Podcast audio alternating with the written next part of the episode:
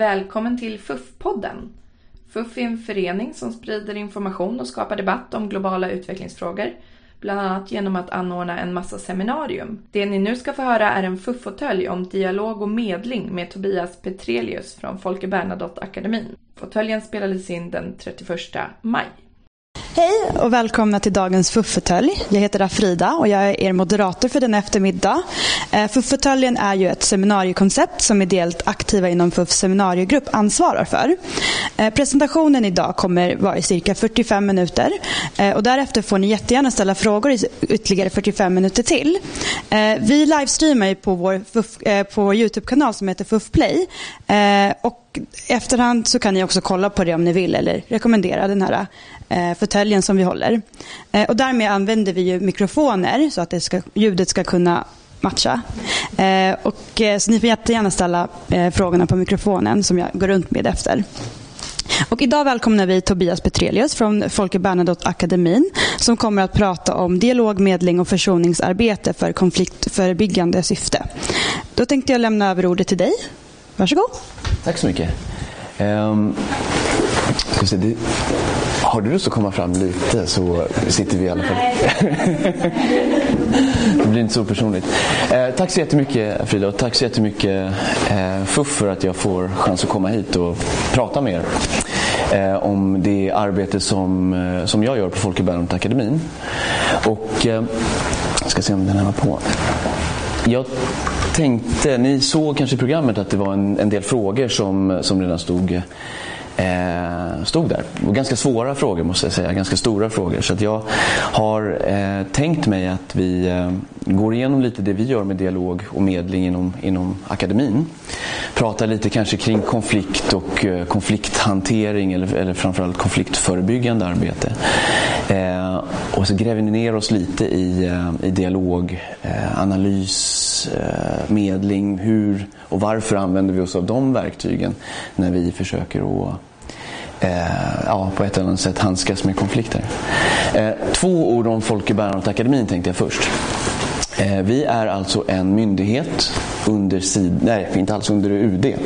Så att SIDA och Folke Bernadotteakademin arbetar med de här frågorna. Dock är SIDA mer Eh, inriktat på att, att ge bistånd och eh, har hand om hela den mer eh, eh den, den delen. Medan Folke Bernadotteakademin är mer operativ. Vi arbetar med frågorna, finansierar inte projekt eller organisationer utan vi eh, arrangerar kurser eller skickar ut våra civila experter till kris och konfliktområden, FN, EU, och OSSE, organisationer.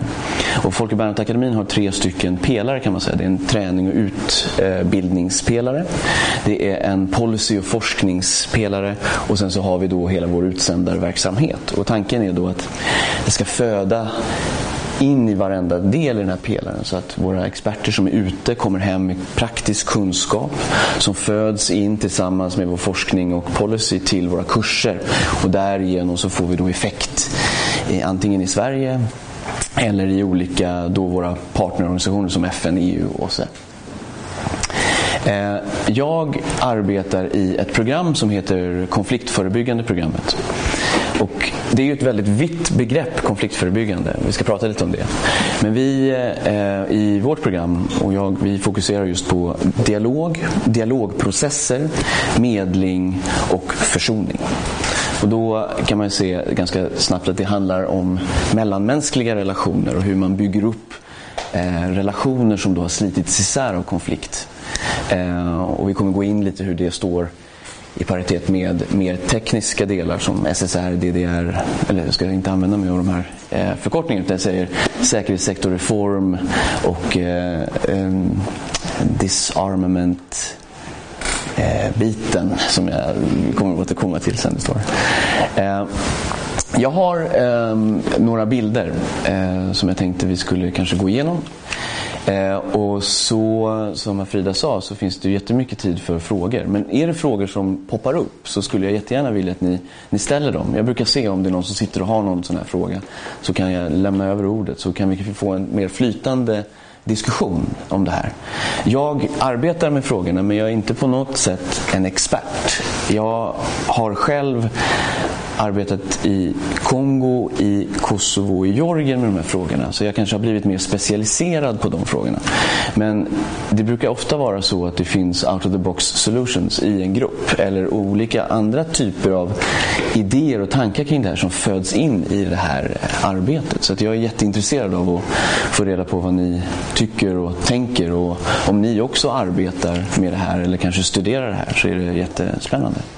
Jag tänkte egentligen börja så. Hur många just nu arbetar eller har arbetat eller studerar eller har studerat om frågor kring konflikthantering eh, och konfliktförebyggande specifikt? Mm. Ja, mer, än, mer än hälften. Då har vi rätt mycket tror jag som vi kan eh, dela i det här arbetet. Ehm, jag kom till Folkbildningsakademin i augusti efter fyra år i Kongo. Så många av bilderna här är från, från Kongo. Mycket av eh, de exemplen kanske relaterar dit. Så har ni andra exempel så, så vifta med handen så tar vi det. Vi börjar tänkte jag med att, att prata lite om konflikt. Därför att vi på Folke vi ser konflikt som något som kan uppstå eh, när två eller fler inkompatibla alternativ, principer eller intressen möts. Men det är i sig inte någonting negativt. Vi har en diskurs kring konflikt som är som att konflikt är något vi ska förebygga. Men konflikt är ju någonting som finns inom oss. Det är någonting som sker när vi umgås eller interagerar med andra människor. Och att säga att man ska förebygga dem, det är helt omöjligt. Däremot så är det så att vi ska försöka att inte hamna i ett läge där en konflikt utlöser våld. Och det är det som är lite källan här att känna till. Därför att många, i många konfliktzoner när man kommer ner och säger att man håller på med ja, konflikthantering eller konfliktförebyggande så blir en del människor väldigt, ja de kan bli rätt frustrerade. Det är som att man säger, ja, kommer ni hit och lägger locket på vår konflikt? Vi kämpar för bättre eh, levnadsstandard, vi kämpar för mindre korruption och så kommer ni och ska förebygga det arbetet. Eh, eller hindra det arbetet. Och om man tänker sig så att en konflikt är ett, en, en positiv kraft, då kan man också tänka i andra sätt hur man interagerar med en konflikt och vad vi behöver göra för att finna en lösning på eh, just den konfliktsituationen. Så att det blir en kraft till förändring i samhället. Eh, under väldigt lång tid så har vi ju sett konflikter som en cykel, eller rättare sagt som en, en kurva. Jag tror att rätt många av er, hej, har eh, hört talas om eh, just den här konfliktkurvan. Där man har på något sätt delat in konflikt i olika etapper. Man har ett, ett, ett stadie innan konflikten bryter ut och sen så har man en, en, en, en topp där på något sätt våld liksom, på ett eller annat sätt visualiseras och sen så börjar en etapp där man då har kommit fram till ett fredsavtal och man börjar ett fredsbyggande arbete och man börjar helt enkelt att återskapa ett samhälle. Det som man har sett nu under ja, ganska många år, men det tar lite tid att få det här att sätta sig, det är att konflikter är väldigt sällan just på det sättet. Att det uppstår och sen försvinner den och sen är allting happy and dandy. Vi ser cykler av våld i många länder. Det finns eh, väldigt bra rapporter från Världsbanken just kring det här. Hur, hur lång tid det ungefär brukar ta i, i konfliktländer eh, för våld att återuppstå igen om man inte adresserar vissa viktiga parametrar. Eh, och det här börjar mer och mer bli institutionaliserat också i de större organisationerna som FN, OSSE eh, och EU. Eh, och det är väldigt viktigt, vi kommer att prata lite om det också. För då finns det på något sätt en uppbackning från, från det internationella samfundet, även om det är väldigt många som redan har förstått det här och arbetar på det här sättet. Eh, gör så här, ja, nu fick ni lite för. I Sverige, om det uppstår en konflikt, varför blir inte svenska konflikter våldsamma? Vad är det som gör att en dispyt mellan mig, nu så hör inte vad du heter, men med, Sven. Sven. Varför kommer den inte leda till våld kanske primärt? Tankar? Jag är ganska svag. Du är ganska svag, ja precis. Och jag är väldigt kort så att jag skulle också backa undan. Och båda är nyktra. Nyktra. Mm. Ja, vi får se sen efter. Andra tankar? Det finns en, väldigt stark stat och statsapparat. Så många lagar mm. Så vi har en stark statsstruktur med, med lagar och regler som vi, ska kunna, som vi följer. Och om vi inte följer det så finns det sanktioner i form av, det finns en domstol vi kan vända oss till och få frågan avgjord. Och det här leder, ja. Ja, jag tänker att det har mycket att göra med en stark tradition. Alltså inte bara lagstiftning utan att eh, Sverige är väl rätt så fredligt. Alltså kulturen mm. spelar sin roll. Och det, det, det, gör det verkligen. Vi har, en, vi har en tradition av att man inte löser en konflikt med, med, sina, med sina knytnävar utan vi, vi vänder oss till de statsinstitutioner som finns eller också kanske vi pratar mer med varandra. Och Det här är väldigt viktigt därför att det gör att vi, vi är ganska bra på att förebygga våldsamma konflikter. Men om man tänker sig en stat där det inte finns en polis att vända sig till. Eller kanske finns en polis men den är väldigt korrumperad. Det finns, ingen, det finns en, en rättssektor, alltså ett, ett juridiskt system men det är så korrumperat att det inte är värt att vända sig till det. Eller en försvarsstruktur eller en säkerhetsapparat som inte fungerar på det sättet som den är tänkt att fungera, att skydda sin befolkning, utan den faktiskt våldför sig på befolkningen. Då finns det inte så mycket andra alternativ för människor än att försöka att lösa det mellan sig. Och om man lägger på en nivå av våld ett inbördeskrig eller ett vanligt krig där man på något sätt har lärt sig att ja, men våld är ett sätt att lösa en konflikt. Då är det väldigt lätt att man hamnar i en spiral som, som på något sätt, ja, det blir som en själv, vad heter det, själv, um, självuppfyllande profetia. Att man, nej, jag kan inte vända mig någonstans så jag får lösa det här själv. Jag kan inte prata med honom därför att han hade, för tio år sedan hade han ihjäl någon jag känner så det här är en fiende. Därför så kommer jag nu att gå in i det här med ett aggressivt beteende. Och då kan man ju tänka sig så att hur gör man då för att komma ur den här cykeln? Och då kan man säga att ja, konfliktförebyggande arbete är väldigt brett där man pratar just om, nu har det lite, men som jag sa, säkerhetssektorreform. Man kan gå in och försöka att stötta och stärka de apparater som ska, statsapparater som faktiskt ska eh, ta hand om det här. Ja. Jag tror också att det ligger någonting i att ha förtroende för myndigheter. Just det, precis. Det finns en mikrofon där som jag tror att vi ska använda när man använder. Men, men jag förstår, tilltroende till, eh, till dem och vi, vi kommer dit faktiskt. Mm. Eh, men traditionellt sett, eller under de sista 15 åren så har man fokuserat väldigt mycket just på säkerhetssektorreform. Och det finns ett visst litet embryo där i att man också måste koppla statsstrukturen till till de som bor och de som ska på något sätt bli servade av det här, det sociala kontraktet. Men så har vi också då disarmament, demobilization och reintegration, alltså då när, när alltså, arméer eh, splittras och går in i någon form av eh, rebellgrupps kontext, lite som östra Kongo till exempel, där det bara i två provinser finns uppåt 70 olika rebellgrupper som på ett eller annat sätt har varit kopplade till armén men nu inte är det. Hur får man dem tillbaks in i en struktur?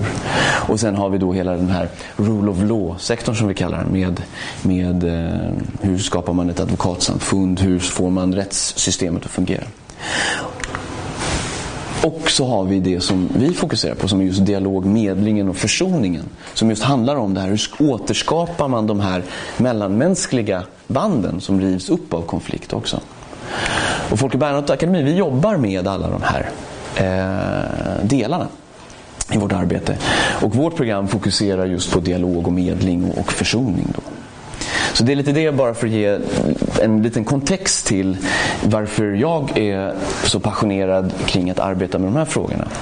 Och det är naturligtvis mycket för att jag tycker väldigt mycket om att arbeta med människor och jag blir förtvivlad när jag ser vad konflikt gör med, med våra relationer. För det är på något sätt det är bland det viktigaste vi har, hur vi, hur vi beter oss med, med våra medmänniskor. Uh,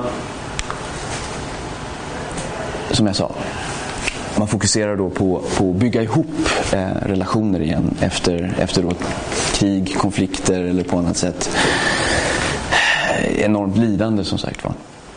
Och vi eh, använder oss av en definition av dialog. Den, den, står här. Vi kan ta ett litet tag och bara läsa igenom den.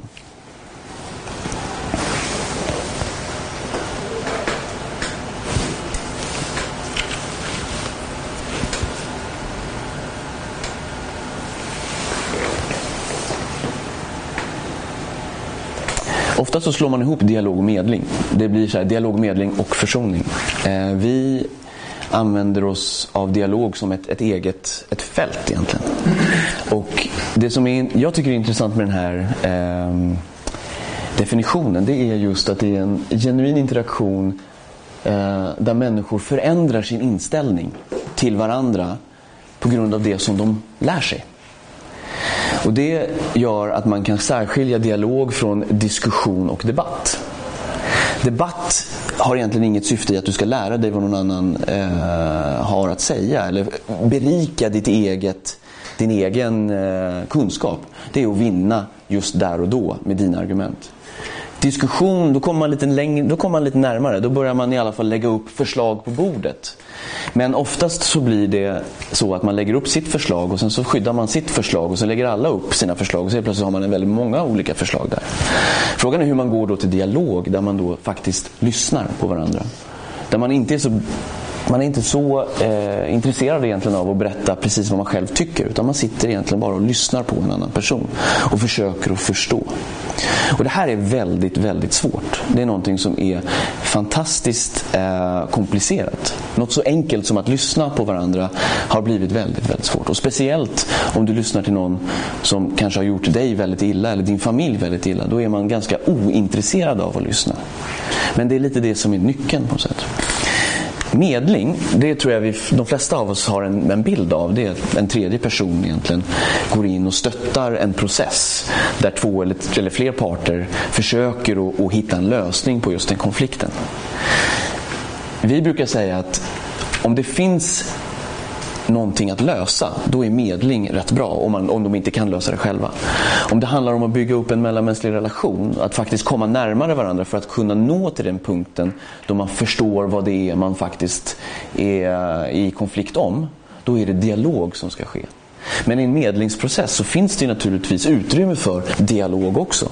Det är en mycket mer flytande process än just att det sitter en man eller kvinna mellan två parter och så säger man ja men nu får du berätta, sen får du berätta och nu så här ser jag en bra, ett bra förslag. Tycker ni att det här är bra eller det är bra? Så Dialogprocess och medlingsprocesser de, de finns någonstans mell, alltså parallellt. Men man kan nog ganska tydligt se när är det medling och när är det dialog. För det är just det här att inte försvara sina egna åsikter eller sina positioner utan det är snarare att lyssna på varandra som man gör i, i dialogen. Och sen då försoning. Det här, vi behöver inte läsa allt det här, men försoning är ju ett, ett väldigt, väldigt vitt och brett begrepp. Eh, som på något sätt, enligt mig, det rymmer väldigt många olika delar. Du har aspekter av transitional just, eh, övergångsrättvisa, det finns både eh, medling, det finns dialog, men sen så har vi de här eh, elementen av sanningskommissioner för att försöka komma, ta reda på vad är det som faktiskt hände för att kunna se vilka är offer och vilka är förövare och sen på ett eller annat sätt ställa de som behöver ställas till svar inför rätta. Men sen också det väldigt viktiga att be om förlåtelse och att på något vis reparera det som har, som har skett. Och Det kan göras på olika sätt, antingen om det är statsstrukturer som har betett sig illa så, så blir det eh, officiella förlåtelseprocesser eller så har vi ja, med monument som reses. Eller så kan det vara mer som i Rwanda till exempel där man hade mer lokala små eh, rätts, eh, vad heter det nu, eh, små domstolar som på ett eller annat sätt ställde förövarna inför svar och sen så var det en ganska så intensiv och, och stark process där de bad om förlåtelse inför sin by eller inför den, den regionen där de hade varit. Det är väldigt kontextberoende vad man gör. Och jag skulle vilja säga att sanningskommissioner och annat det är någonting som också är väldigt, väldigt komplicerat. Och vi har haft en tendens att ta de kommissionerna, den, den strukturen som skapades efter eh, apartheidens eh, eh, vad ska man säga, när, när det försvann och när Sydafrika började gräva i vad som hade hänt, då satte man ju upp en sanningskommission. Och den har replikerats ganska, ganska frekvent och man har insett att den faktiskt inte fungerar i olika kontexter. Den fungerade till viss del i Sydafrika, men de försökte i Kongo, där fungerade den inte alls därför att strukturerna och även korruption och samhällsstrukturerna såg annorlunda ut. Men det, det, finns väldigt mycket här och det är, det är väldigt viktigt i det bredare fredsbyggande perspektivet att ha en försoningsprocess. Men om man tänker sig nu att konflikter går i, i cykler då, då kanske det är viktigt att se att ja, men det är kanske är någonting som faktiskt måste pågå hela tiden. Man kan inte vänta tills konflikten är över och sen lansera den processen. För då, då, då kommer man aldrig kunna starta. För det, det fungerar inte så. Ja? Jag funderade på... Eh, vad funderar jag på? Nej, men en sak. Dels det här eh, frågan om offer och förövare. Sådär. Du pratade ju om eh, att var det Kongo, två provinser, 70 rebellgrupper. Ehm, vem är offer och vem är förövare? Är det den som har varit mest, som har mördat flest eller vem, vem blir vad? Så tänker jag. Ja, ehm, en jätteintressant och jättesvår fråga. Ju, så som vi ser det och så som man ibland måste arbeta i de här Alltså, om man tittar på konflikter så, så har vi ju idag, det finns en professor som heter Peter T. Coleman som har skrivit en bok som heter The 5%. Och den handlar om, om de 5% av alla konflikter som, som blir så komplicerade att man inte ser en väg ut. Och sen fortsätter han ett resonemang kring hur man faktiskt kan eh, ta sig ur en sån konflikt eller liksom hitta en viss struktur. Östra Kongo är just en sån, ett sånt ormbo av olika dynamiker, olika grupper, olika, olika eh, ja vad ska man säga, olika Ja, inte så mycket, visst etniciteter kan man ju säga naturligtvis, olika grupper som liksom interagerar i ett system. Eh, och då är det väl ibland väldigt svårt att säga vem är, vem är förövaren och vem är inte. Det är lite som, vem har mest rätt? Vem, vems sanning lyssnar vi på? Och det är väl lite det om vi börjar där. För jag tänkte, det var en väldigt bra fråga för den leder mig in i det, det som är viktigt att faktiskt tänka på innan man sätter igång med ett sånt här arbete. Oavsett om det är med medling, dialog eller försoning. Så är det just att försöka förstå kontexten. Förstå den här konflikten för att veta vart man ska ta sig in. Vad man ska faktiskt adressera. Och då kan man säga så här att den här, den här hästen den är ju eh, ganska tydlig för vissa av oss. Medan andra ser vad då för något? Groda. En groda. Hur många ser att det är en häst? Okej, okay, så tre av den här gruppen ser att det här är en häst. Men om jag vrider på den, då blir det ju lite tydligare att det här är en häst. Fast det är ju fortfarande en groda. Och anledningen till att jag visar det här är för att vi har alla olika perspektiv. Och vi ser på verkligheten på vårt eget sätt. Format av vad vi har varit med om, vad vi har lärt oss, den sociala kulturen vi har vuxit upp i, etc. etc. Och Det är därför som det är så, så viktigt att förstå och faktiskt lyssna på så många människor som möjligt i en konfliktzon eller i, i en konflikt. Vi använder oss av det här på Folke Bernadottes eh, träningar just för att väcka den här förståelsen att vänta nu, jag såg någonting som någon annan inte såg. Hur påverkar det då när jag eventuellt själv ska analysera den här konflikten? Jag kommer in med mina perspektiv. Är jag rätt ute med min analys? Och Det är väl en sån här sak som jag har insett att nej, man, man är inte det. Det är så mycket mer komplicerat att vi behöver så enormt mycket mer kunskap. Och under senare tid så har man också även börjat förstå det här på mer central nivå, både inom FN, EU, OSSE, men även i Sverige. Sida, UD, Folke Bernadotteakademin. Vi arbetar mer med ett konfliktkänsligt perspektiv. Det gäller att ha så många människor som möjligt med i processen så man förstår alla olika perspektiv. Och där har vi ju understrukit kvinnors roll under en väldigt, väldigt, väldigt, väldigt lång tid. Att om man bara pratar med män så saknar vi 50% av en förståelse för en konflikt. Nu är det ganska fortfarande rätt trögrott att få det här i hamn därför att vi, det är ett ganska starkt, ett, ett starkt system att, att förändra. Men, men det visar på vikten av att faktiskt eh, titta djupare in i konflikten för att se vad, vad är det som faktiskt händer här. Vad är risken om man inte gör det?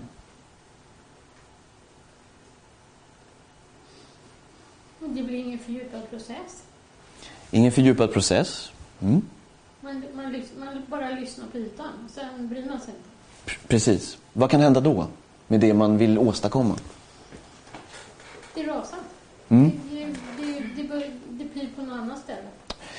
Det pyr på något annat ställe och det är ofta så det blir. Eh, man tar sig an ett projekt med syfte att skapa fred. Och man, man har gjort en analys och så börjar man att implementera det projektet och så helt plötsligt så brinner det till någon annanstans. Och det gör oftast därför att man är inne i ett system av en konflikt. Och man kanske gör någonting här nere men man har inte sett hur det relaterar till de andra delarna i det här systemet. Och utan den förståelsen så kan man kanske hamna lite fel när man gör sina projekt. Även om de är väl, alltså det finns en god tanke bakom, så kan det vara så att man faktiskt skapar mer oreda i den här konflikten än vad, som var tänkt. Det andra är, nu syns det lite dåligt, men det står förtroendeskapande. Om ni i den här gruppen nu skulle vända er till er granne och så skulle jag säga till er att berätta någonting väldigt personligt. Hur många av er skulle känna att det var väldigt enkelt att göra? Nej, jag, jag håller med. Det, det vill man inte göra. Nu är det här en grupp med människor som inte känner varandra kanske, eller känner varandra lite, men ni är inte fiender på något sätt. Ni går inte in i den här gruppen med en känsla av att jag vill inte vara i samma rum som dig. Att nå till en dialog där man faktiskt lyssnar och förstår kräver att man också delar med sig av det som verkligen gör ont. Det som verkligen skapar mitt beteende. Och det tar väldigt lång tid. Och Det här är någonting som, som jag har sett och känner är ganska, det är framförallt väldigt svårt och någonting som man gärna hoppar över. Man vill gärna ta sig direkt till själva samtalet där man ska sitta och prata. Därför att skapa det här förtroendet är en ganska så lång process. Den är ibland väldigt smärtsam och den är ibland väldigt, väldigt, väldigt tung. Men den är väldigt viktig. Den här bilden är från eh, en dialogprocess i östra Kongo där eh, FN stöttade eh, en eh, svensk organisation och en lokal organisation. Life in Peace Institute, jag vet inte om det är någon som har hört talas om den. Jag gör lite reklam för den. Men, eh, och det som var intressant här var att det var en lång konflikt mellan just bönder och kobönder. Som hade eskalerat till en sån gravit, vad heter det? Den hade blivit så svårlöst att det gick ända upp till nationell nivå. Det fanns även regionala aspekter i det här där Rwanda la sig, in, la sig i. Eh, och vi hade enormt mycket konflikter, lidande, massakrer. Och det här var just de här tre grupperna, Hutu, Tutsi och Hunde. Jag tror många av oss har hört talas om just Hutu och Tutsi från, från Rwandas folkmord. Och sen Hunde då som är en, som de, han säger sig vara en, en riktig kongolesisk eh, etnicitet medan de andra två är rwander som har kommit in. På 25 år har de inte suttit vid gemensamma bord och diskuterat en gemensam framtid. Och det tänkte vi, det är ju jättebra att finansiera det. Det är ju jättebra att stötta en sån process. Men för att komma till det här så hade de engagerat sig i en fyraårig process att försöka att förstå vad det var som faktiskt spelade in i konflikten. Vilka var aktörerna? Hur var aktörerna kopplade till varandra? Och sakta men säkert så började man diskutera, prata, förstå. Och bara genom, återigen, jag vet att jag kommer låta som en papegoja, men bara genom att lyssna på människor så skapar man ett förtroende. Att, att känna att någon lyssnar på en är en väldigt stark upplevelse. Så efter fyra år så lyckades då vi få de här, det var 45 personer, och sitta fem dagar och, och prata om konflikten, ventilera sin sorg, sina frustra, alltså sin frustration, sitt hat under faciliterade omständigheter naturligtvis. Eh, och i slutet av det här eh, så lyckades vi på intet sätt få ett, ett, ett avtal eller något sånt, men vi hade en gemensam vision för vad som behövde göras.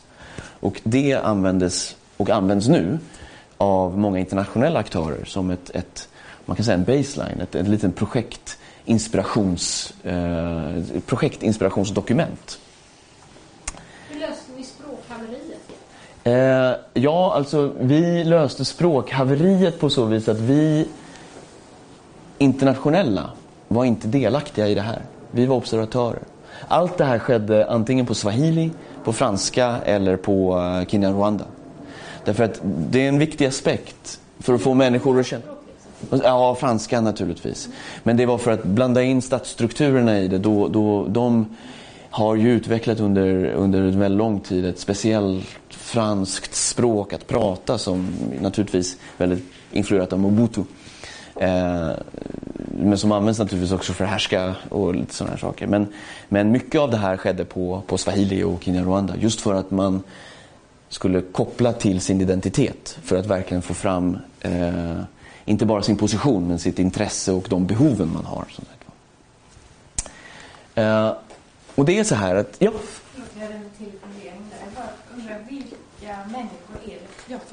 Vilka människor är det som sätter sig i de här, den här typen av samtal? Mm. Bara, det är väl en fördom. Men jag bara tänker så här, är det människor som vill ha makt i liksom nästkommande eh, samhällsordning så att Mm. säga? Eller är det helt vanliga människor som har mycket inom sig? Liksom? Eh, jättebra fråga. Det är så att det beror lite på hur processen är designad. För om man bara vill snabbt, så snabbt som möjligt skapa ett dialogforum där man ska prata om en konflikt och komma på en lösning. Då blir det ofta så att man vänder sig till ja, alltså, um, etnisk, alltså ledare för etniska grupper eller för olika, för olika provinser. Det blir ju då också lätt hänt att man fokuserar på politiska personligheter. Och då i en kontext som Kongo så är det, finns det naturligtvis risk att man, man stöter på väldigt många som just vet att om jag är med i det här mötet så kommer jag kunna tillförskansa mig eventuellt lite mer makt. Det kanske finns mer pengar att tjäna här. Och då leder inte processen så långt. Då, då når man väldigt sällan det här stadiet där man faktiskt gemensamt lyssnar på varandra och skapar en gemensam vision för framtiden. Det är därför som det gäller att vara smart när man designar eller när man hjälper och stöttar lokala organisationer eller eh, större grupper i en sån här process. Du är fantastiskt, du ställer alltid frågorna som leder mig in i nästa bild så det är nästan som att det var inövat. Eh, därför att under senare tid så har man förstått att vi som konsulter, vi, vi internationella kommer oftast in som konsulter. Vi är välbetalda, vi sätter oss bakom eh, ett skrivbord i en annan kontext. Vi har en bil som oftast är enormt stor, vit med stor eh, UN-emblem på. Vi har vakter eh, och vi får inte röra oss speciellt fritt i vissa av de här områdena. Och vi ska skriva den här analysen och vi ska ge rådet kring hur man ska designa processen. Och det har visat sig att det, det, det, det går inte riktigt så bra som man tror. Man får inte med den här lokala eh, kännedomen och man får inte ett deltagande från den lokala eh, kontexten eller befolkningen som man behöver. Därför det är en sak att man kommer in och skriver och sen ger man rekommendationer och så designar man en process och så drar man. Men om ingen av de som faktiskt lever i konflikten och som faktiskt ska ta hand om sitt eget, sitt eget land är med på båten, då, då, då kollapsar det. Så det som hade hänt i den här processen i, i Kongo var att vi hade eh, stöttat en lokal organisation som gjorde en så kallad gemensam kontextanalys. De satte sig tillsammans med en fantastisk massa människor, 120 personer, eh, ifrån det här området där man slogs som värst. För att försöka identifiera vilka är det som behöver vara med och säga sitt. Hur ska vi göra det här på bästa sätt? Så att vi inte stampar på de strukturer som redan finns och som har funnits i exemplet Kongo i hundratals år. Det är inte så att det inte finns mekanismer för att ta hand om konflikter. Det finns jättemånga, det är bara att vi inte ser dem för de finns inte med i vårt tänk. Och sen också ett gemensamt beslut kring vilka som ska facilitera eller hjälpa till i den här processen. Och det är där som man lägger embryot till det. Vilka ska vara med i den här processen? För då får väldigt många människor säga sitt. Och oftast så hoppas man ju att det blir några personer som blir valda. Som faktiskt eh, får representera den gruppen av människor. Och det såg vi var inte alls de som vi trodde från början. Det var inte just den traditionella ledaren, alltså Moamin i östra Kongo eller kungen. Utan det var någon från byn som var känd för att vara smart men också lyssnande. Och också någon som faktiskt inte var helt fanatiskt utan någon som faktiskt kunde se att det fanns en gråskala i en konflikt. Och det var väl de som vi började jobba väldigt mycket med. Och de hjälpte till att föra in liksom, de olika gruppernas perspektiv in i den här analysen. Och det var, kan man säga då, det är den här andra delen så som vi ser ett, ett viktigt fundament i en dialogprocess. Även i en medlingsprocess. Nu pratar vi dialog men medling har samma struktur kan man säga. Och det är att det måste finnas en gemensam förståelse kring vad det är som faktiskt konflikten består av. Och det, alltså, beroende på kontext och beroende på längd på en konflikt så tar ju det naturligtvis olika tid. Jag tycker mig ha sett att vi satsar alldeles för lite tid på den här gemensamma konfliktanalysen. Vi vill väldigt gärna hoppa ett steg framåt och få resultatet som är kanske då ett, ett samtal där vi faktiskt kommer fram till en lista vad som ska göras. Men det här är någonting som tar tid. Men det här är också någonting som bygger förtroende. Både från, mellan facilitatören eller han som, eller hon som hjälper till men också mellan de olika grupperna. Så i den här processen löser man oftast ganska många av de frågor som existerar kring som, som roterar liksom kring själva kärnfrågan i konflikten. Sen kan man säga att samtalet det är det som man ser i en dialogprocess och en medlingsprocess det är när vi ser att människor sitter runt och pratar. Men det är en väldigt liten del egentligen i en sån här stor process. Eh, om man tar exemplet eh, från östra Kongo som jag är med i så var det fem dagar av fyra och ett halvt år. Så det, det är ju inte en jättelång tid om man säger så. Men det kräver en enorm förberedelse för att nå dit man ska. För det finns alltid krafter som söker att sticka hål i en sån här process eller på ett eller annat sätt eh, ja, under fyra år kan ju enormt mycket hända. Så det kan ju vara så att saker och ting förändras i, i, i, eh, i den dynamiken som, som driver konflikten framåt. Men samtalet är på något sätt, det är lite liksom själva vad ska man säga, pricken över i i processen. För det är där som man då äntligen sätter sig ner och börjar samtala kring det här. Eh, och Förhoppningen är ju då att det på ett eller annat sätt ska leda till någon form av gemensam vision. Och här igen, det tar väldigt lång tid att förändra inställningar och beteenden hos människor. Eh, speciellt i komplicerade konfliktzoner. Så att man når en gemensam vision behöver inte betyda egentligen att man har förändrat speciellt mycket i beteenden. Men däremot så har man kommit fram till något, en gemensam grundpelare. Någonting att hålla sig i när man väl fortsätter och sätter fart med, med själva omformningsdelen av, av konflikten. Och det är här oftast som eller det här som vi önskar på Folke Bernadotte-akademin, att det internationella samfundet eller de som har pengar på ett eller annat sätt och vill engagera sig i, i konfliktfrågor eller konfliktförebyggande frågor. Att det är här man försöker att titta. Vad är det som den här gruppen av människor redan har föreslagit? Vad, vad, finns det här som de vill att vi ska satsa på? Och att man inte från stats, eh, typ, alltså, hö, vad heter det nu, huvudstadsnivå bestämmer sig för att det här är ett intressant ämne. Det ska vi implementera projekt inom i det här området. Det kan vara så att de projekten är väldigt nödvändiga. Men det kanske är ett projekt som kommer på tredje eller fjärde plats i en prioriteringsordning hos de som faktiskt är i konflikten. Och då spelar det ingen roll hur, hur bra det är. Därför det, det tillför inte det som de i den konflikten just vid det tillfället behöver för att ta sig till nästa steg. Ehm. just det, 45 minuter. Aktörer. Det finns väldigt många av oss.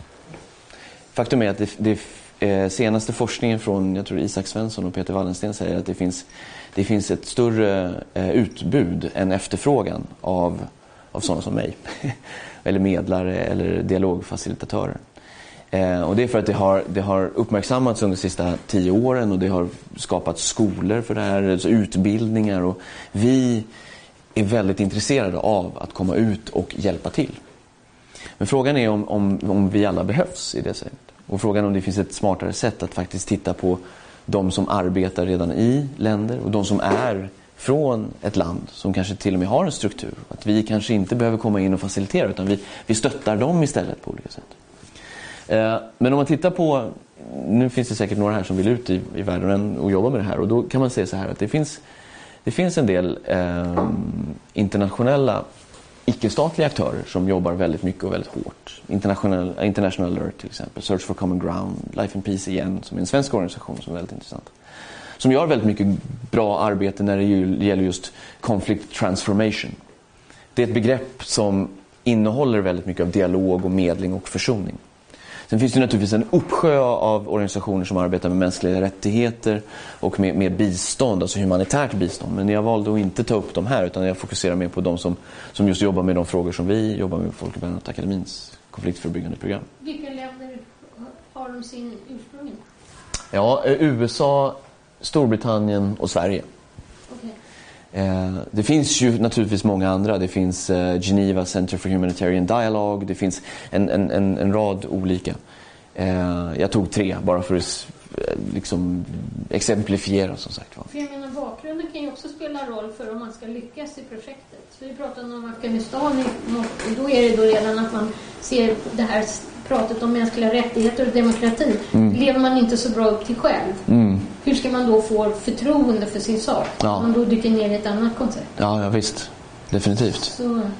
så det är naturligtvis de här organisationerna har ju vårdat lite av ett, ett, ett, ett, ett anseende just för att kunna ta sig till olika konfliktzoner och faktiskt arbeta med de här frågorna. Och det de gör väldigt intelligent är att de gör inte speciellt mycket arbete själva utan de har en partner som faktiskt arbetar eh, och de stödjer den, den partnern.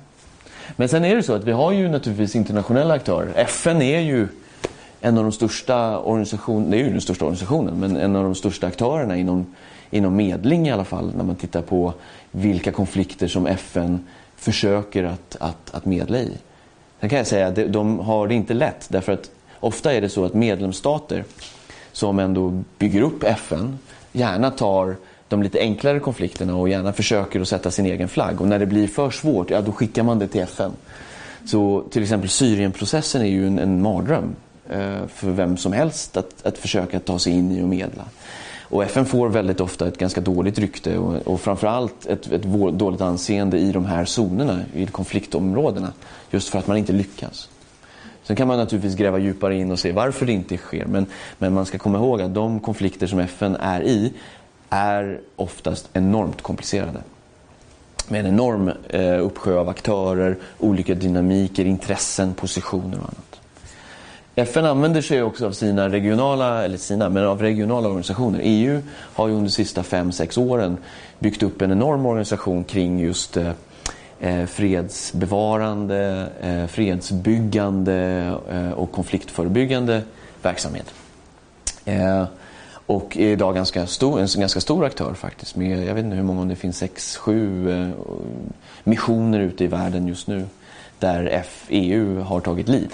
Eh, i Kosovo så är det en rättsstatsuppbyggande mission. I Georgien så är det en observatörsmission.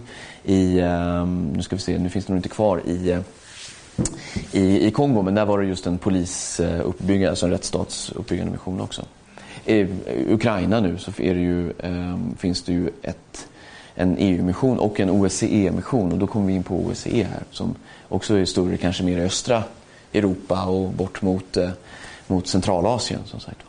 Men även AU naturligtvis och andra regionala organisationer. Och bara två, två minuter.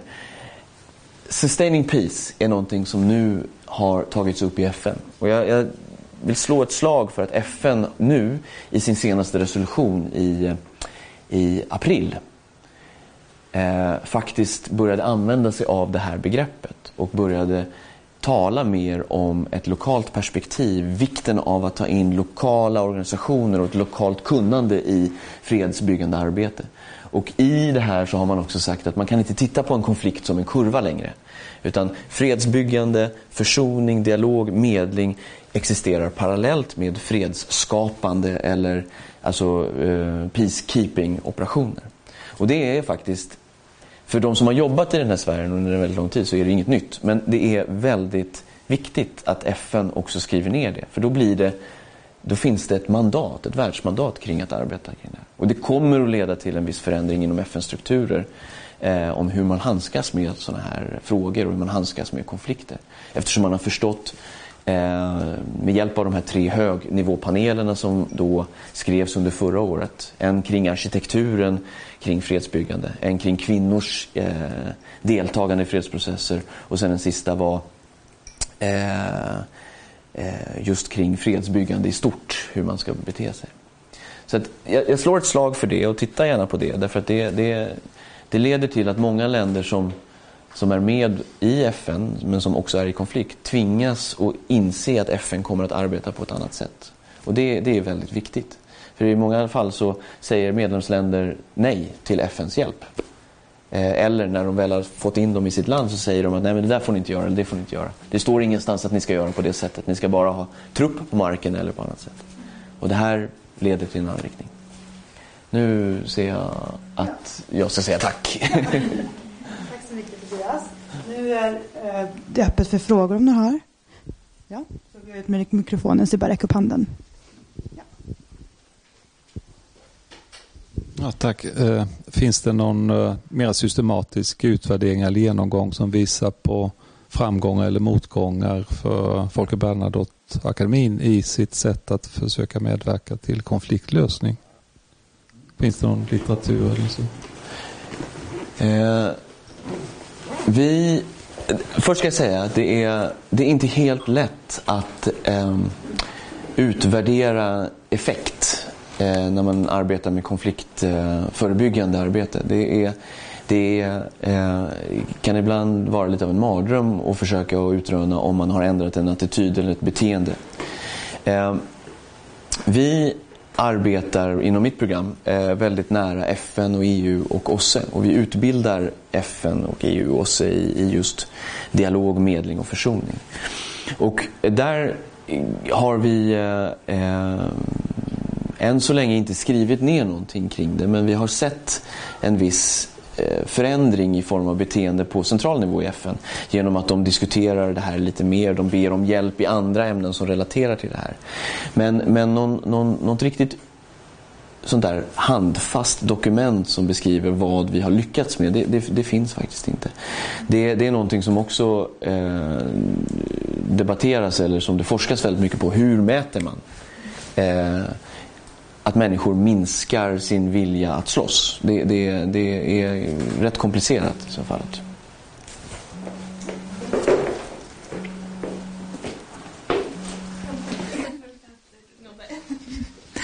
Eh, ja, men tack så mycket. Jag tycker det är jätteintressant det här med just den lokala förankringen. Och det känns ju verkligen som att det är det, är det som leder till en, någon slags hållbar lösning och kanske framförallt ja, makt, maktfördelning, en lite mer jämlik värld.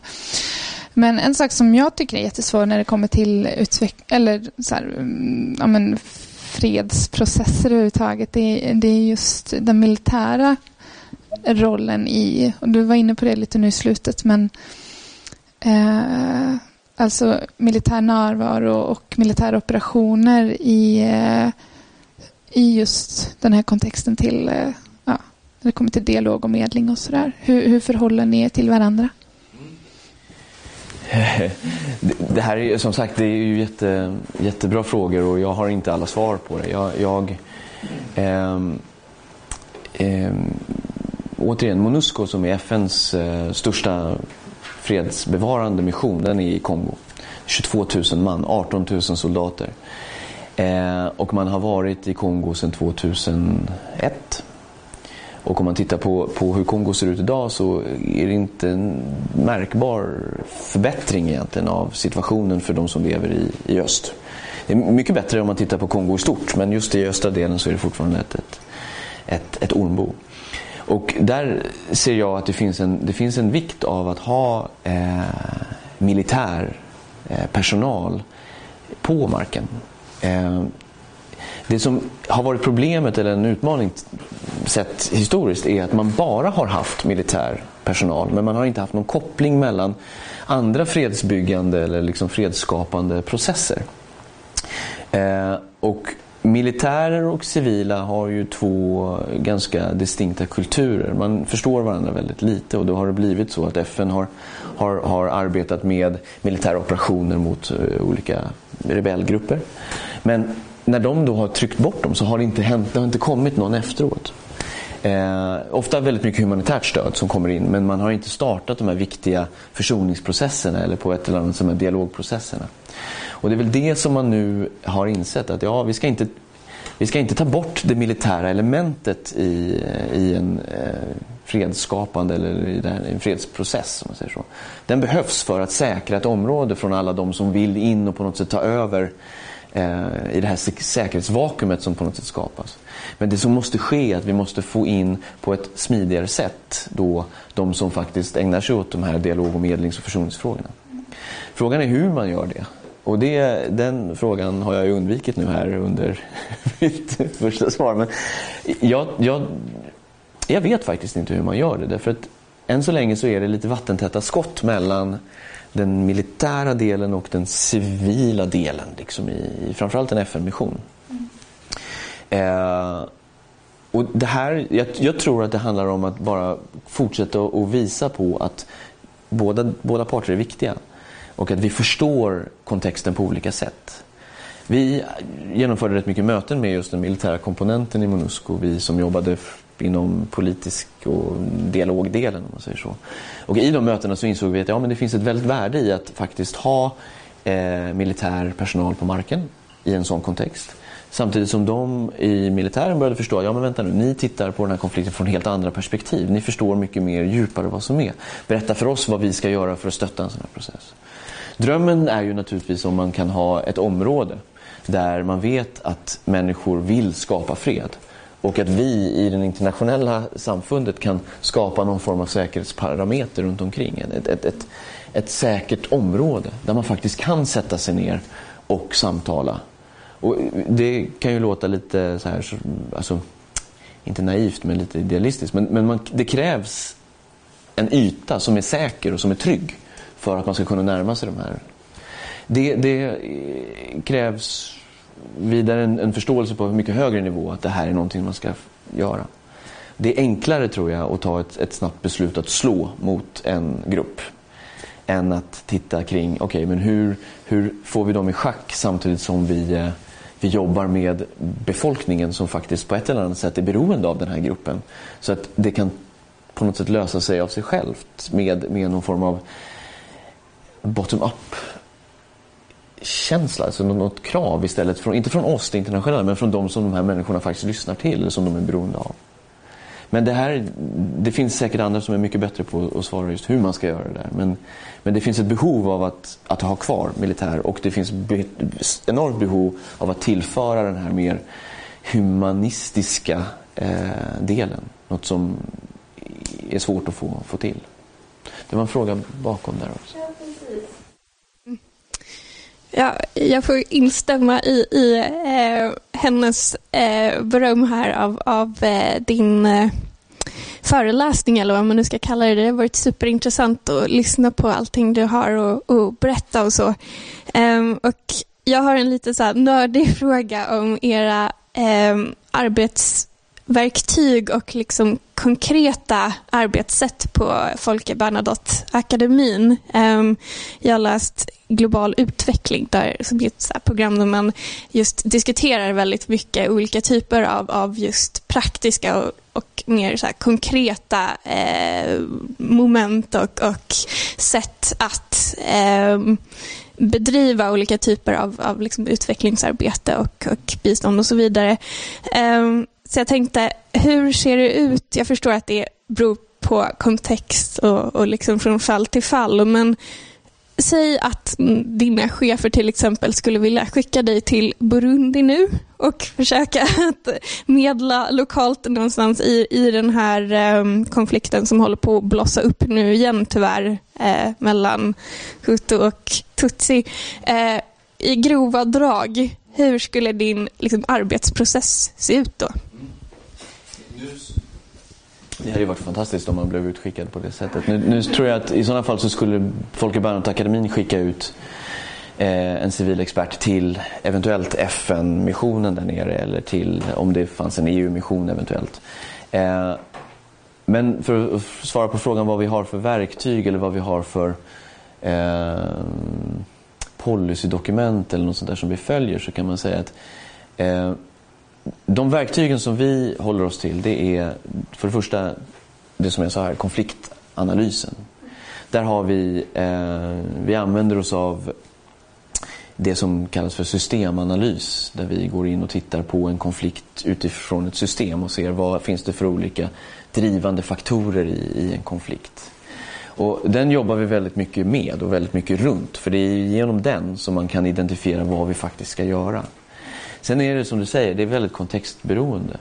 Så vi har inte så jättemycket sådana här tekniska hjälpmedel därför vi har märkt att det fungerar inte. Man kommer ner och har en plan och sen får man ändå göra om hela den planen och då har man slösat enormt mycket skattepengar uppe i Stockholm för att försöka komma på den här planen.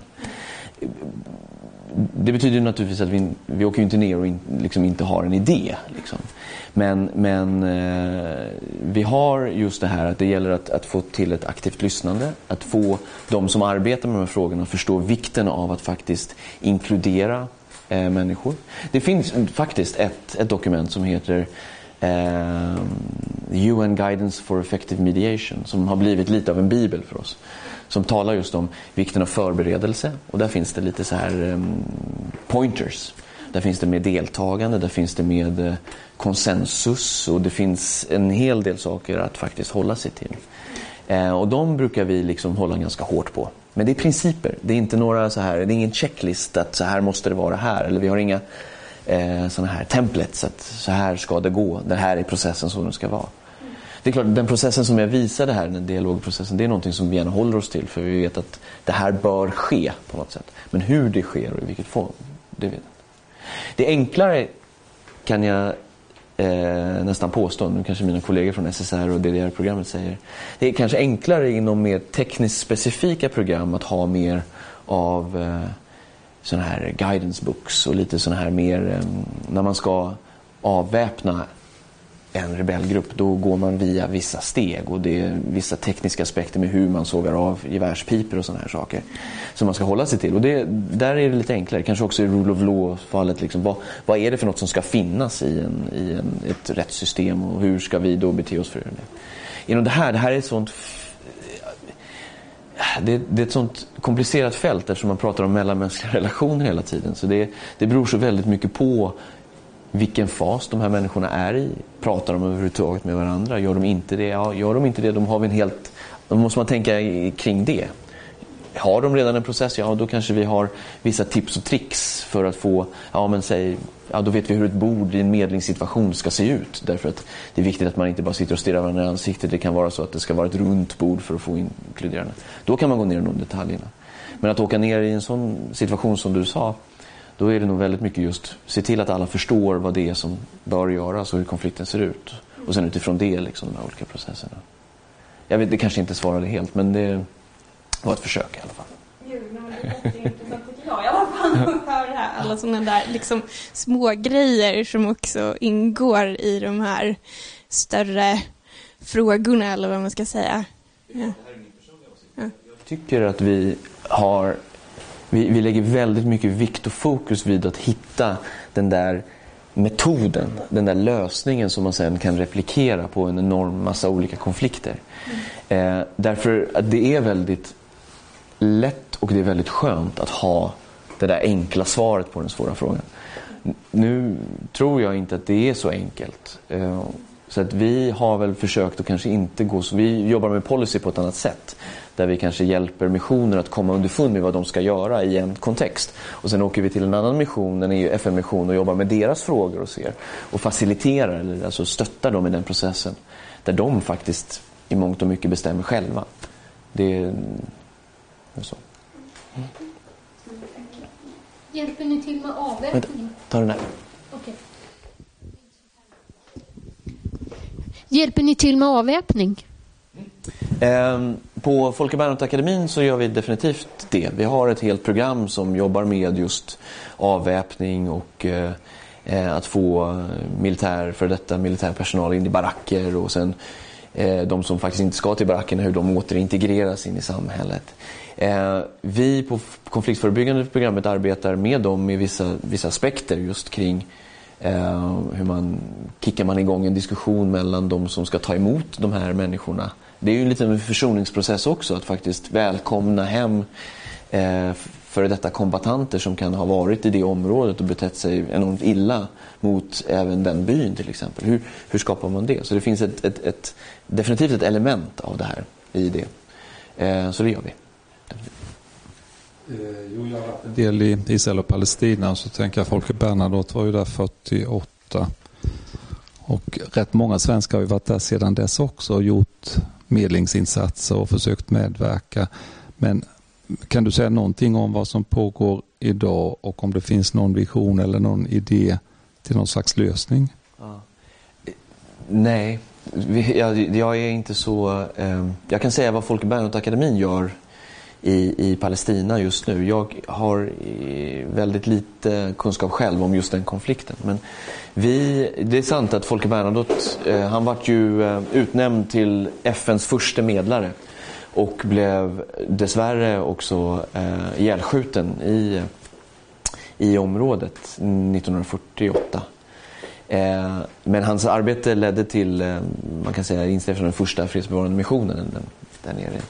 Eh, Folke Bernadotteakademin, vi arbetar just nu med att stötta den eh, palestinska utrikesförvaltningen.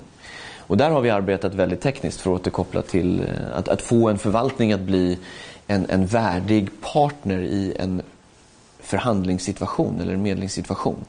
Så där använder vi oss av, av våra, vår kunskap och våra verktyg för att, att stötta eh, diplomater och statsanställda inom just den ja nu har vi ju faktiskt erkänt Palestina så man får säga statsanställd. Ehm, och det har vi gjort under snart två år tror jag. Och det har lett till väldigt intressanta projekt där vi faktiskt också har sett att de har blivit mycket starkare i, i sin egen eh, självbild och sin egen eh, professionalist vad heter det när man är, man, sitt självförtroende just. Vilket också har gjort att de har kunnat närma sig vissa frågor. Eh, och känna att de kan diskutera med då det israeliska utrikesdepartementet som naturligtvis är väldigt, väldigt stark. Eh, just kring konflikten och vad det finns för utsikter, det, det vågar jag inte säga. Eh, även om det är ett väldigt forum, men nu går ut på nätet. Så att, eh, jag, jag, kan inte tillräckligt mycket där. Ja, eh, intressant. Eh, en fråga Eh, du pratar, ni pratar om medling och så pratar om dialog och så pratar om försoning sen. Eh, när vi tittar på internationella konflikter och medlingsförsök så brukar man ofta prata om organiserad förhandling. Och på internationell nivå eh, så oftast avtalsbaserad. Om man kopplar medling kanske i ett mer lokalt perspektiv, juridisk medling mellan två parter, eh, familjetvist eh, liknande. Har ni i Folke Bernadotte någon teoretisk förankring när ni pratar om medling från det perspektivet? nej, vi, vi tar ju vår utgångspunkt i att det här är de medlingsinsatser som sker, som sker utanför rättsapparaten. Just när det inte går på ett eller annat sätt att, att använda sig av någon form av rättsinstans som, som liksom medlar i det här. Eh, så att vi, vi ser det ju från en annan, ett annat perspektiv. Liksom. Eh, och det gör väl då naturligtvis att du får ett annat, ett annat uttryck, ett annat, en annan process kan jag tänka mig. Vårt Rule of Law-program, ja, vi har diskuterat en del med dem just kring det här hur man får ihop det. Vi har inte nått ända fram i mål med det. De jobbar ju väldigt mycket just kring att bygga upp civil, eh, lokal struktur, eh, rättsstruktur och också administration. Eh, för att så snabbt som möjligt i en postkonfliktsituation kunna istället för att man ska sitta och prata utanför statens strukturer kunna integreras in i staten. Det är ju det absolut bästa. Det här är ju dialog eller, eller medling då om man tittar till exempel Syrien eller om man tittar i, i det som skedde i östra Kongo 2008 när vi hade en sån här medlingskonferens. Då hade man ju förstått att inte statsstrukturen kunde göra någonting. Det, det fanns inget förtroende för den. Så även om det hade suttit någon från en sån, eh, i en sån position så hade de förhandlingarna brutit ner. Om man säger så. Svarade det ungefär på frågan? Eller har någon... Ja, det, du nämnde lite där, det här FN... Eh ramverket som ni använder lite då. Eh, just nu har ju det inte någon juridisk bas på så vis. Liksom. Det, det, är ju naturligtvis förankrat inom FN att det är så man arbetar. Men, men det har ju inte... Men det är ett teoretiskt koncept som ni använder lite? Ja, ni... precis. Det är det. Mm. ja, men det här är superintressant. Eh, och, ehm, Alltså att skapa tillit kommer ju utifrån att, att kunna skapa förtroende och många gånger så är det precis som du nämnt det som på något sätt är nyckeln till en hållbar lösning. Men eh, om man tänker ytterligare på det så finns det ytterligare förutom det här att lyssna och eh, alltså lyssna i första hand och sedan, sedan agera eller prata eller tänka eh, som, som också är sådana här nyckel eh, nycklar i, i hela processen. Finns det? alltså finns det, finns det några ytterligare nycklar förutom att lyssna som, eh, som är liksom delar av hela den här processen? Ja. Att skapa försoning och tillit. Ja, det är eh, definitivt. Alltså, som du säger, lyssna är på något sätt det här första, liksom, det mest basala. Men sen, sen gäller det naturligtvis att kunna ta sig från att bara lyssna till att nå en punkt där man, där man faktiskt kommer överens om någonting. Att man, man, har, man har förstått, man har kanske skiftat sina, sin inställning men sen ska man ju ta ett beslut någonstans också. Och där finns det ju ganska mycket tankar och tekniker kring just hur faciliterar man sådana här liksom, dialoger. Att man, visst, man får de olika konfliktaktörerna att lyssna på varandra och kanske till och med vidga sina perspektiv. Men hur gör man sen?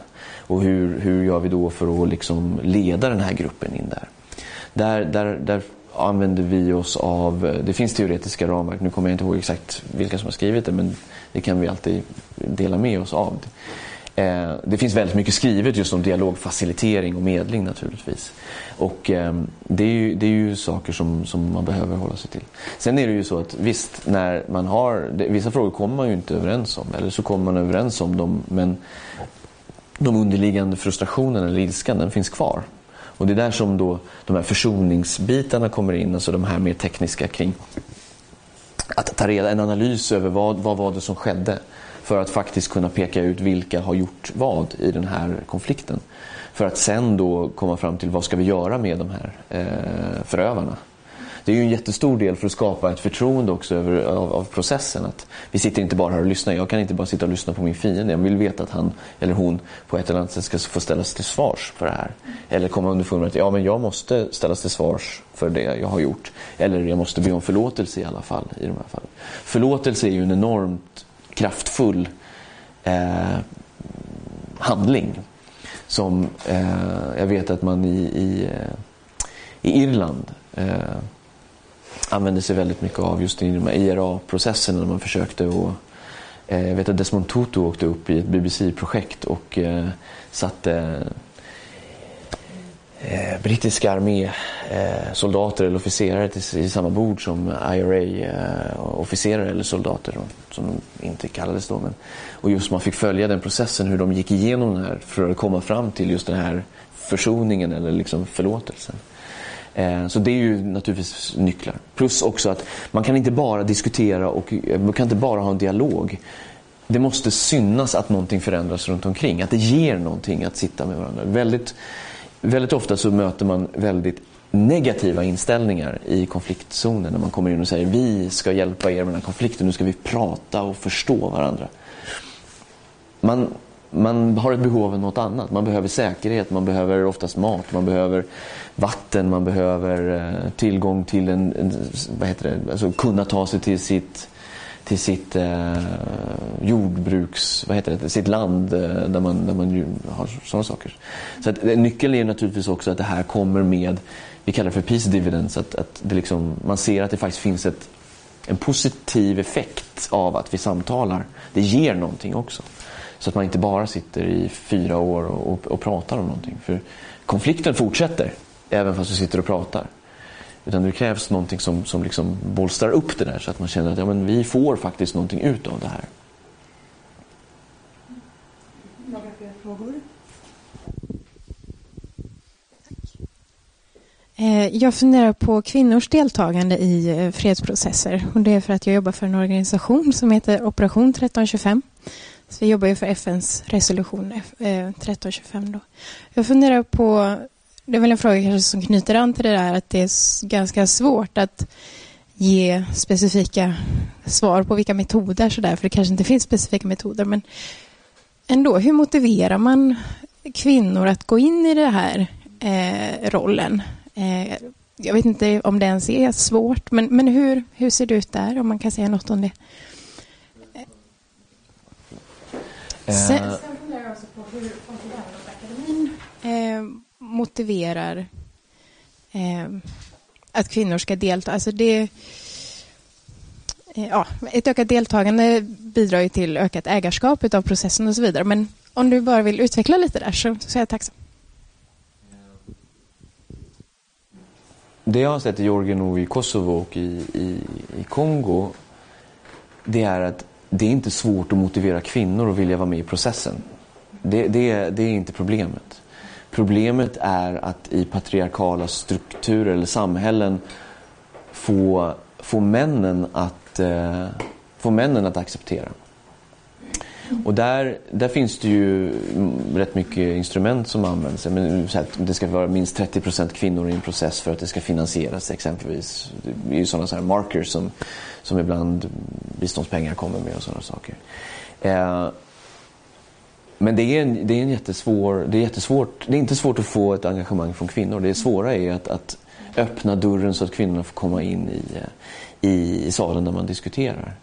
Jag är övertygad om att om man har en process som är inklus, alltså inkluderande från början, där det är deltagande perspektiv redan från början, där man inte väljer Eh, vi, vi, nämnde det, det var en fråga till att börja med. Hur gör man så att det inte bara är de som vill ha makt som sitter runt bordet? Därför de är oftast män. Och om man har en intelligent process som redan från början grundar ett deltagande i, i ett samhälle så får du med kvinnor redan från början. Vi såg det i Östra Kongo, även om vi hade jätteproblem med att få ens 30% kvinnor med i det här bordet. Och det var en, en kamp. Men ändå så visste vi att deras röster var hörda Eh, i processen. Sen för Folke Bernadottes del, eh, jag vet inte om ni har hört talas om det eh, uppdraget som Folke Bernadotte har fått i att skapa ett kvinnligt nätverk för medlare. Det är en del av den feministiska utrikespolitiken. Och det är ett sätt att faktiskt eh, identifiera, eh, stärka nätverk och sen eh, faktiskt göra reklam för det och försöka via politiskt engagemang få ut kvinnor i de här rollerna. Det, vis, det, det, finns ju forskning som visar på att eh, ett, ökat an, ett ökat antal kvinnor som är med i en fredsprocess eh, ökar chansen för att fredsavtalet håller en längre tid. Det, det är tyvärr inte så att det finns något som visar på att det, det kommer hålla stadsfast men det, det, ökar chansen att det blir en stabilisering i, i, eh, i den här zonen under en längre period. Vilket jag tycker, då, är det så, det är självklart, då måste vi ta in kvinnor mycket mer. Men, men vi rör oss i en värld som har formats av män och där som vi, den här frågan kring militärt kopplat till civilt i en organisation som exempelvis eh, EU och FN där militärt är väldigt maskulint. Det, det pratas väldigt mycket, ja men det, det, det här rör sig i den maskulina sfären medan dialog och medling är mer den feminina delen. Liksom. Hur får man en sån organisation att faktiskt eh, ändra? Och visst, 1325 var ju en resolution som, som sa svart på vitt, det är FNs lagverk. Så här ska vi eh, bete oss. Trots det så hade man en högnivåpanel som skrev en stor rapport nu förra året som kom fram till att det går inte så bra som man, man hade hoppats på. Det går faktiskt ganska dåligt i vissa lägen. Och där tror jag att vi, eh, vi representerar ett land som går i bräschen för det här. Vi, vi har ju en väldigt modig utrikesminister som, som har sagt att det här är högt, det här är det högsta på vår utrikespolitiska agenda. Vi, är, vi har en feministisk utrikespolitik. Och genom att göra det och våga stå i, i eh, FN och säga det är en del. Sen har ju Folke, Folke Bernadotte-akademin, vi har ju ett 1325-program också som arbetar väldigt aktivt med att via, via vetenskap, alltså research, få in det här i, i policy och som vi sen trycker ut till FN, EU och, och även till, eh, till UD bland annat. Så att vi, vi arbetar på lite olika sätt med det där. Men det är en fråga som trots, det verkar som, som oavsett hur mycket man skriker så är det väldigt lite som händer. Det har hänt men det går inte alls i den takten som både nu alltså vetenskap påvisar att vi borde göra och, och det som vi vill och har sagt inom FN att vi ska göra. Det var en fråga till, ja. Jag hade en fråga som jag du faktiskt svarat redan på det du förklarar nu, men jag skulle kunna utveckla lite mer. Och eh, jag ville eller, höra rent praktiskt, hur, hur fungerar det när ni åker ut? Hur skapar ni det här nätverket? De här 120 personer som satt där och pratade.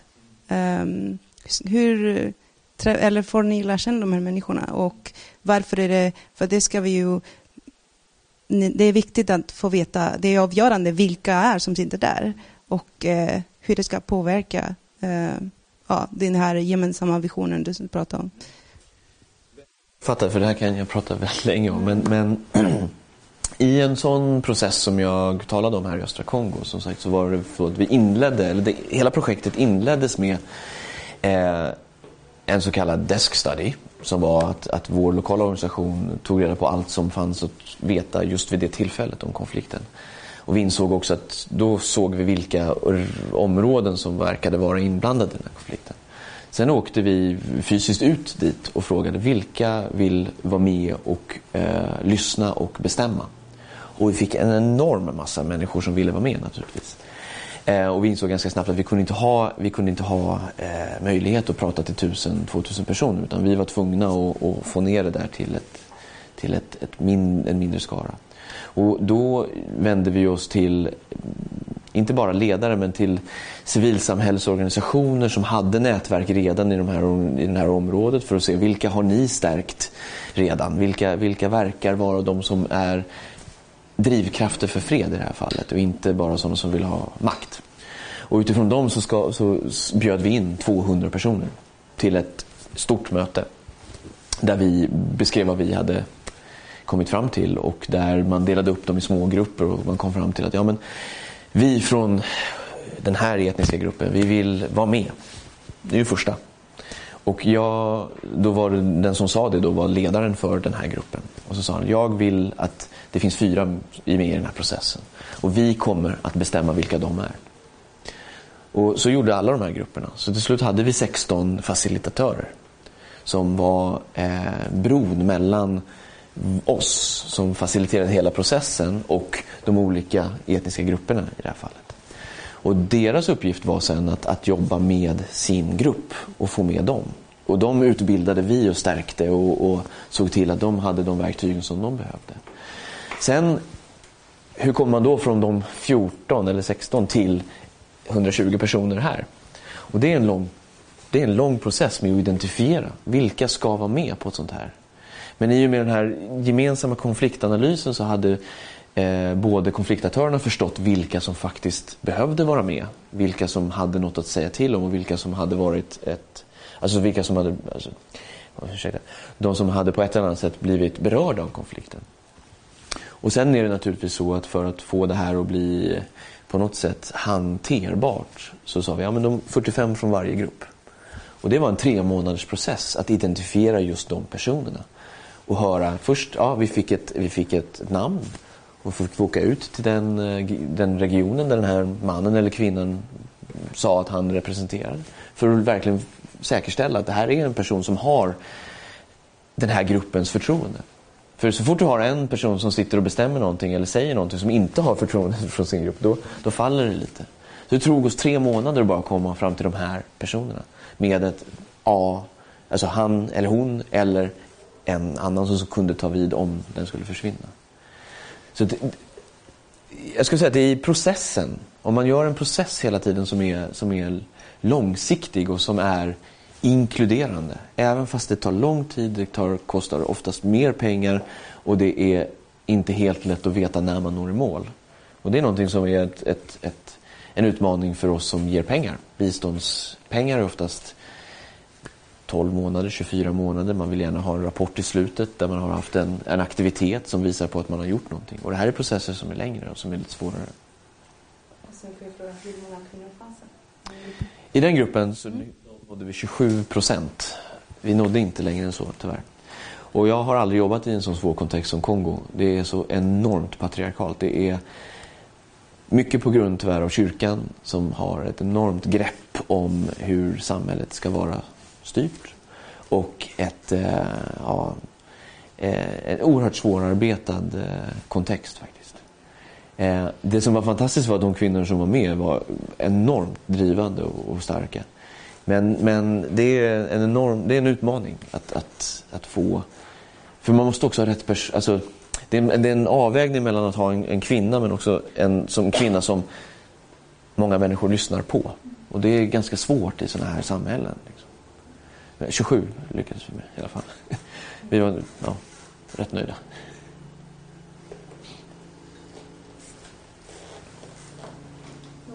Någon annan som har en jättesnabb fråga? Oftast är frågan snabb, men svaret blir så... Ja, på två, tre minuter. Ja. Eh, jo, apropå att motivera kvinnor. Jag, jag, tror att jag mer tänkte så här att kan ni, med tanke på att det är så patriarkala strukturer, är kvinnor då rädda för att höja rösten, för att delta? Är det ett säkerhetshot för dem? Det var så jag tänkte. Jag tror absolut folk är motiverade. Det var jag som formulerade mig lite fel bara. Så. Säkerhetshot, mer att kvinnor hade svårare faktiskt att ta sig rent fysiskt också dit. Inte på grund av att det var osäkert. Ja, östra Kongo är ju inte ett paradis för kvinnor, det vet vi ju alla. Men det var snarare så att de var tvungna att gå upp tidigt på, på jobb på morgonen för att ta sig till fälten för att arbeta under hela dagen. Eh, ta hand om alla barnen och sen laga mat och allt. Så det fanns liksom inte någon fysisk tid. Och vi såg det som ett, ett problem. Det, det, var man också tvungen att, att ta in i beräkningen. Hur, hur gör vi så att de här kvinnorna faktiskt kan ta sig dit? Därför att familjen är det viktigaste och de har en enormt stark ställning i sin familj. Men för dem att ta sig ut och även få inflytande i de mer politiska processerna, det var, det var svårare faktiskt. Ja. Då vill jag tacka er alla i publiken och Tobias för denna fåtölj. Det var jättekul att du ville komma och dela med dig om ditt arbete. Du ska få den här av oss. Titta, tackar. Ja. eh, och om ni tycker att vi gör ett bra arbete här på, folk, eh, på Folkevärnet, på FUF, ja, exakt, eh, så är det möjligt att bli medlemmar. Eh, 150 kronor kostar det för studenter och 200 kronor för övriga medlemmar eh, per år. Då. Eh, så checka gärna in vår hemsida också. Tack så jättemycket och tack Tobias.